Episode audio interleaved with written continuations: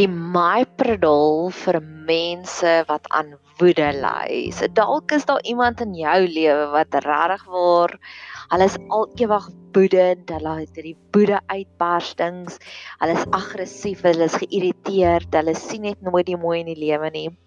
En net so kantnota, hierdie is opgedra vir my en my Vitamiene N vriendin. Ons beide het so persoontjie in ons lewe verskillende mense, maar hulle is baie dieselfde en hulle tree dieselfde op. So sy is my metgestel in week al se ore baie gaan kerm het. Ek gesê, "Ag, oh, dit het nou weer vandag met my gebeur." Dan sê sy, "Ja, ek weet, dit het nou weer met my gebeur want myne het dit en so aan." En ek het in een van my vorige potgooi het ek genoem dat dis so lekker om te begin oorwinning prone area. So ek bid al vir 'n geruime tyd vir hierdie persoon in my lewe en vir my Vitamiin en vriendin wat ook 'n ander een wat soos dit in my lewe. Maar op hierdie reeks is dit nou al die derde een wat ek bid en spesifiek dink ek aan daai persoon. En ek het nou vir die Here gevra om my te kom verander So ons gaan eers van alles okay, maar voordat ek vra van hoe die Here vir my al verander het, jy sê hierdie is al die derde een. So jy as jy ook iemand het in jou lewe en jy sukkel net om met hulle oor die weg te kom. Die vorige is, ek sal kyk of ek die linkie onder kan sit, is hoe om te bid vir iemand wat 'n slagoffergees het of 'n victim spirit. Kyk, herhaal dit hoe om te bid vir iemand wat 'n slagoffergees het of 'n victim spirit. Ek dink dit sal jou ook baie help. En dan die volgende een wat ek gebid het vir hulle was gebed vir die mense in jou lewe met diamantharte. So dis daai mense wat so hardkoppig is, nê. Nee? En ek het al gesien dat gewoonlik lei dit tot woede. Hulle het baie intense woede uitbarstings ook. So ek bid vir jou ook, mag die Here jou versterk. En mag die Here vir jou nuwe krag gee. En een van die eerste dinge wat ek ook al gebid het om te sê Here verander my, begin by my is ek het gebid. Ek het gehoor ek het hierdie pragtige potgooi geluister van Edith Eva Erger en sy was 'n slagoffer en 'n oorwinnaar en nou sy 'n thriver en ek weet nie wat 'n thriver in Afrikaans nie. Um na die Holocaust. En sy het daar gesê, toe sê sy een van haar quotes was uh daar is iets 'n thriver in Afrikaans nie. um sê sy die most obnoxious people are your best teachers. So met hierdie persoon in my lewe, ek bestudeer hulle en ek sê jy ek weet jy gaan sonder dat jy besef gaan jy vir my gebedspunte gee en ek weet deur dit gaan ek baie ander vrouens kan inspireer. So dis nou die eerste gebed wat ek wat ek gebid het. Maar die tweede een, hierdie is my nuwe een een van my nuwejaarsvoornemings is om meer nuus te luister. So ek luister PBS, ek weet nie waar jy verstaan PBS nie. Dis 'n Amerikaanse nuusberig op 'n op 'n pot gooi se so elke dag dan luister ek vir so 'n uur lank na hulle nuus en hulle is nou besig met die impeachment en ek gaan daaroor ook praat. Um maar een van die dinge wat ek gister of eergister geluister het is daar's 'n nuwe um medikasie wat vrygestel is in Amerika en dit het 'n baie romantiese storie. Die dokter, mediese dokter se vrou is oorlede aan kanker en hy het gesien hoe seer het sy gehad op die einde, so seer dat morfine net nie eens gehelp nie. Toe sê hy vir haar my liefie, jou dood gaan nie niks beteken nie. Ek commit myself om 'n beter medikasie te kry wat sterker is as morfine sodat nie almal so hoef lyding te hê soos jy nie. En toe ontwerp hy 'n nuwe dwelm of 'n nuwe pil, Ducevia. Ducevia. En die studie sê dis 'n 1000 keer sterker as morfine. 'n 1000 keer. Nou, ek het nog nooit in my lewe morfine gehad nie, maar ek het al stories gehoor van mense wat morfine gekry het en dan sê hulle dit vat al die pyn weg my pa het verlede jaar 'n regoperasie gehad en op dag 2 het hy al rondgeloop want hy het niks pyn nie want hy was op morfine.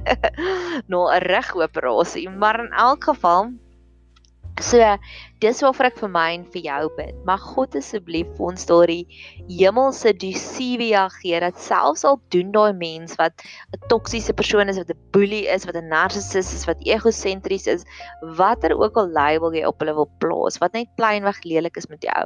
Selfs al doen hulle wat met ons, ons het die hemelse dosivia in ons en dit gaan ons nie meer seermaak nie.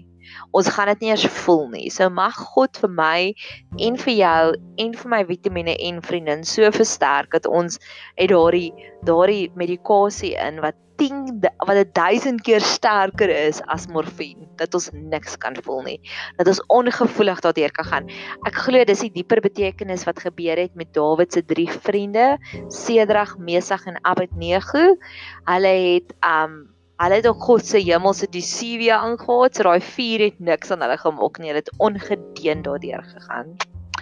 So, dit is vir my, dis vir jou, dis die beskerming. Ek wil ook praat gaga oor die beskerming. Ek is besig om deur Psalm 91 te werk ag nee deur die hele boek van Psalms, maar ek het Psalm 91 geskiep want ek dink ek dis so 'n kragtige Psalm in plaas daarvan om hom net te bestudeer, wil ek hom eintlik memoriseer. So ek gee dit ook vir die Here en sê asseblief kom help my daarmee.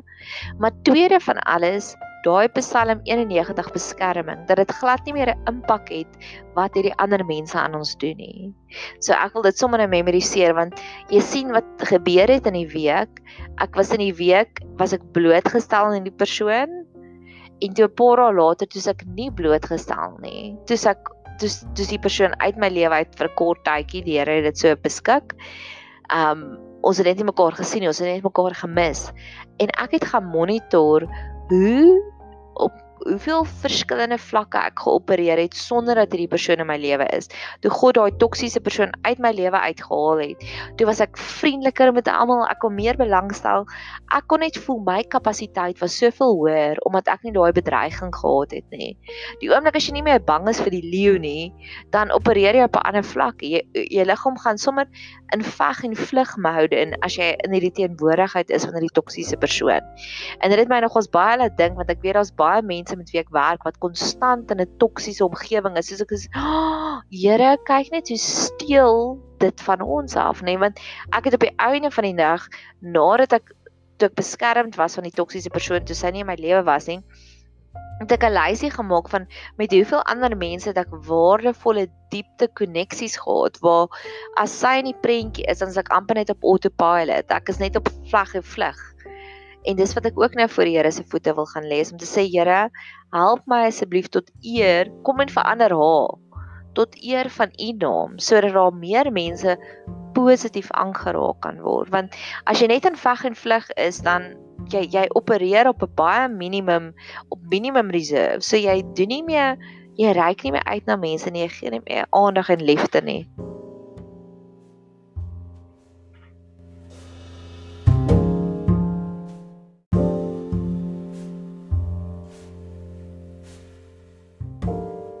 So ja, dis dan die einde van hierdie lang inleiding is om net te sê Here kom beskerm ons, Here kom maak ons immuun teen enigiets.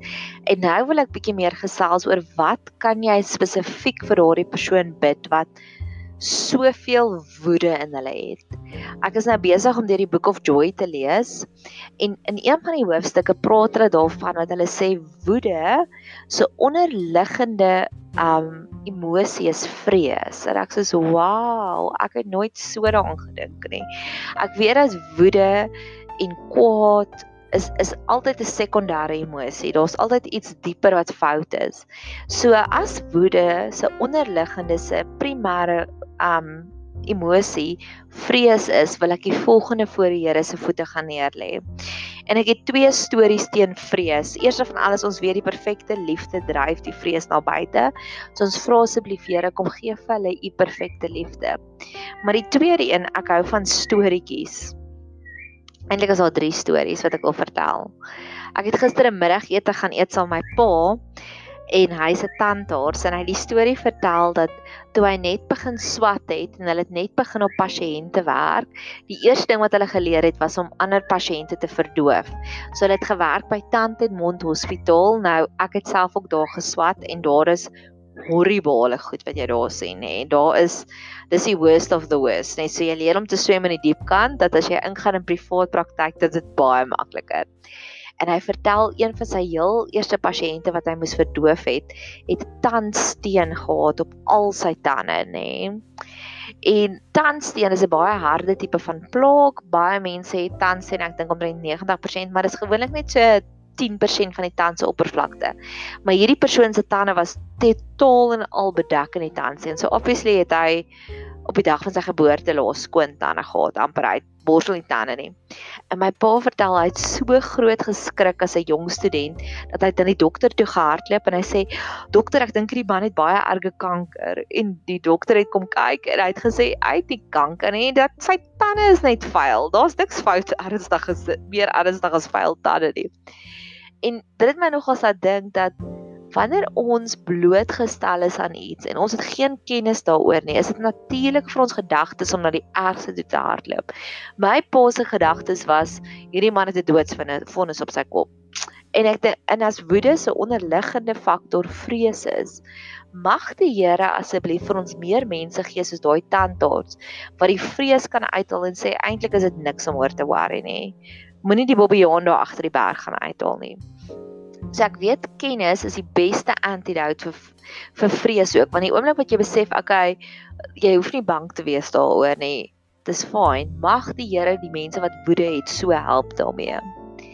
En die tweede storie wat ek ook het teen vrees um ons bly in 'n in 'n landgoed waar daar wilde diere is. So slange is 'n real threat by ons En gistermiddag toe ek inry met my motor na die middagafspraak by my pa, toe lê daar so 'n stok daar, maar die stok lê so net langs die pad en dit lyk so as jy van ver af kom, lyk dit letterlik soos 'n slang wat se koppie so opgelig is, wat hy so lê en kyk daar en dit lyk presies soos 'n slang. En ek nader kom te sien ek o nee, okay, dis net 'n dis net 'n dis net 'n stok en vanoggend toe ek gaan stap het, het ek nog 'n foto daarvan geneem want dit lyk letterlik net soos 'n slang. En baie kere 'n situasie van ver af lyk vir ons baie vrees aanjaan. Maar die oomblik wat ons nader stap, dan besef ons o, eintlik is dit net 'n stok. En ek het jare terug het ek na so 'n fantastiese preek van Lindy Strydom geluister wat sy ook gesê het die die verhaal van Rooikappie kom bietjie nader my kind. Baie kere sien ons iets ver af in ons toekoms en ons is bang dat dit daar voor. Maar die oomblik wat ons nader kom, sê ons eintlik is dit net 'n stok. So mag die Here ook hulle handjie vat en hulle help sodat hulle nader sal gaan in daai omstandighede en dat hulle die leuen sal uithaal want ek het in 'n leuen geglo om te dink, o, dis 'n slang en ek nader kom, o nee, dit is nie. Julle sal die waarheid ken en die waarheid sal julle vrymaak. So mag hulle werklik ware ware ontmoeting het met daardie waarheid. En dan die volgende verhaal wat ek ook het oor oorwinning en oor oor vrees is hoe nader jy aan die Here stap en hoe meer jy die Here vertrou om te sê Here help my asseblief met hierdie situasie, help my asseblief met hierdie situasie. Hoe minder vrees is daar want as jy kan terugkyk en weet die Here het my al gehelp met dit, dit en dit, gaan jou vrees outomaties verminder. So ek weet die persoon vir wie ek bid, het al verlede week so bietjie begin flirt met God. Niks intensies as hy die Here gebid het vir klein dingetjies en dan sou hy al gehelp het. Maar ek wil nou vra Here, gee asseblief meer van daardie klein oorwinnings sodat sy eventually meer met waagmoed na U toe kan kom en vir U meer kan kom vra vir die groter dinge. Daardie primêre, daardie fondasie van dinge wat vir vrees aanjaag. So dis my drie stories teen vrees. Die eerste een was my storie oor my pa se tandsteen uitgedog die man het kanker en dit is eintlik net klein wegvuil tande. My storie oor die stok, ek het gedog die stok is 'n slang en die derde een is die klein oorwinnings. En dan wil ek afsluit met ook ietsiekie wat ek ook voor die Here se voete voete wil gaan lê. En dis nogals iets wat my baie na in die hart lê ek is besig soos ek gesê het om nuus meer nuus te luister en ek luister na Donald Trump se impeachment. Nou die van julle wat nie weet nie, ek moes ook self gaan Google het, so moenie sleg voel nie. Impeachment is 'n baie baie fancy woord om net te sê hulle vermoed Donald Trump is 'n uh, nou weet ek nie, 'n Republican dink ek. Daar's twee partye. So die die oppositieparty het gesê maar Donald Trump is besig om so groot nonsens aan te jaag. Ons moet hom fire, ons moet hom afdank as president.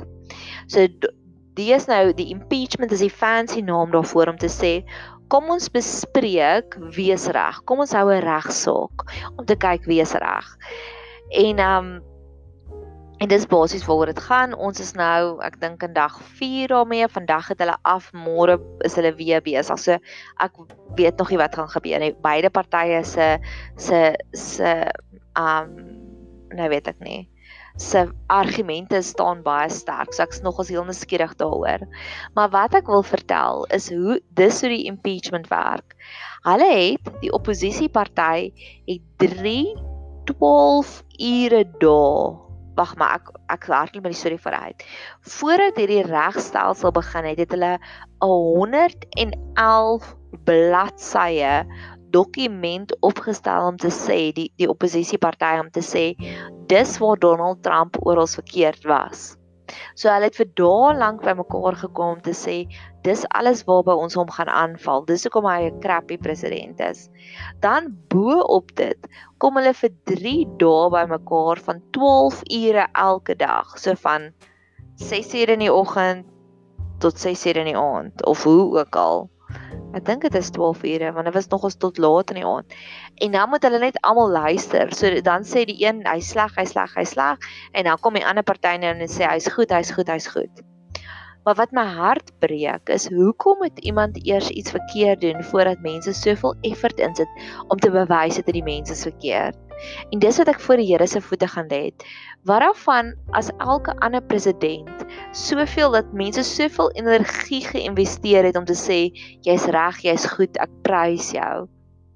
Want ons moet immers woorde van stigting gee vir mekaar. En dis wat ek ook nou vir die Here wil se voete wil gaan neer lê. Beide vir ons die bidders wat tans die slagoffers is van iemand wat aan woede ly of iemand wat 'n narcissus is. Mag die Here daai energie, daai negatiewe energie wat almal nou teen Donald Trump het, mag dit asseblief kom omdraai en kom investeer in ons ook om ons te bekragtig om meer vir hierdie mense te bid. Maar tweede van alles, hierdie persoon wat vir wie ons nou bid, die bully, die narcissus, die Jezebel gees, wat ook al jy dit wil noem. Ek glo hurt people hurt people en hulle is net in daai posisie omdat hulle om in die lewe het hulle al so gerol. So ek wil asseblief vra soos al daai negatiewe energie wat almal geïnvesteer het in Donald Trump, mag die Here asseblief kom en dit positief maak sodat weer eens die perfekte liefde dryf die vrees na buite mag ons binnekort baie getuienisse hê van hoe God ingetree het in ons moeilike situasies. Mag jy 'n super geseënde dag hê verder.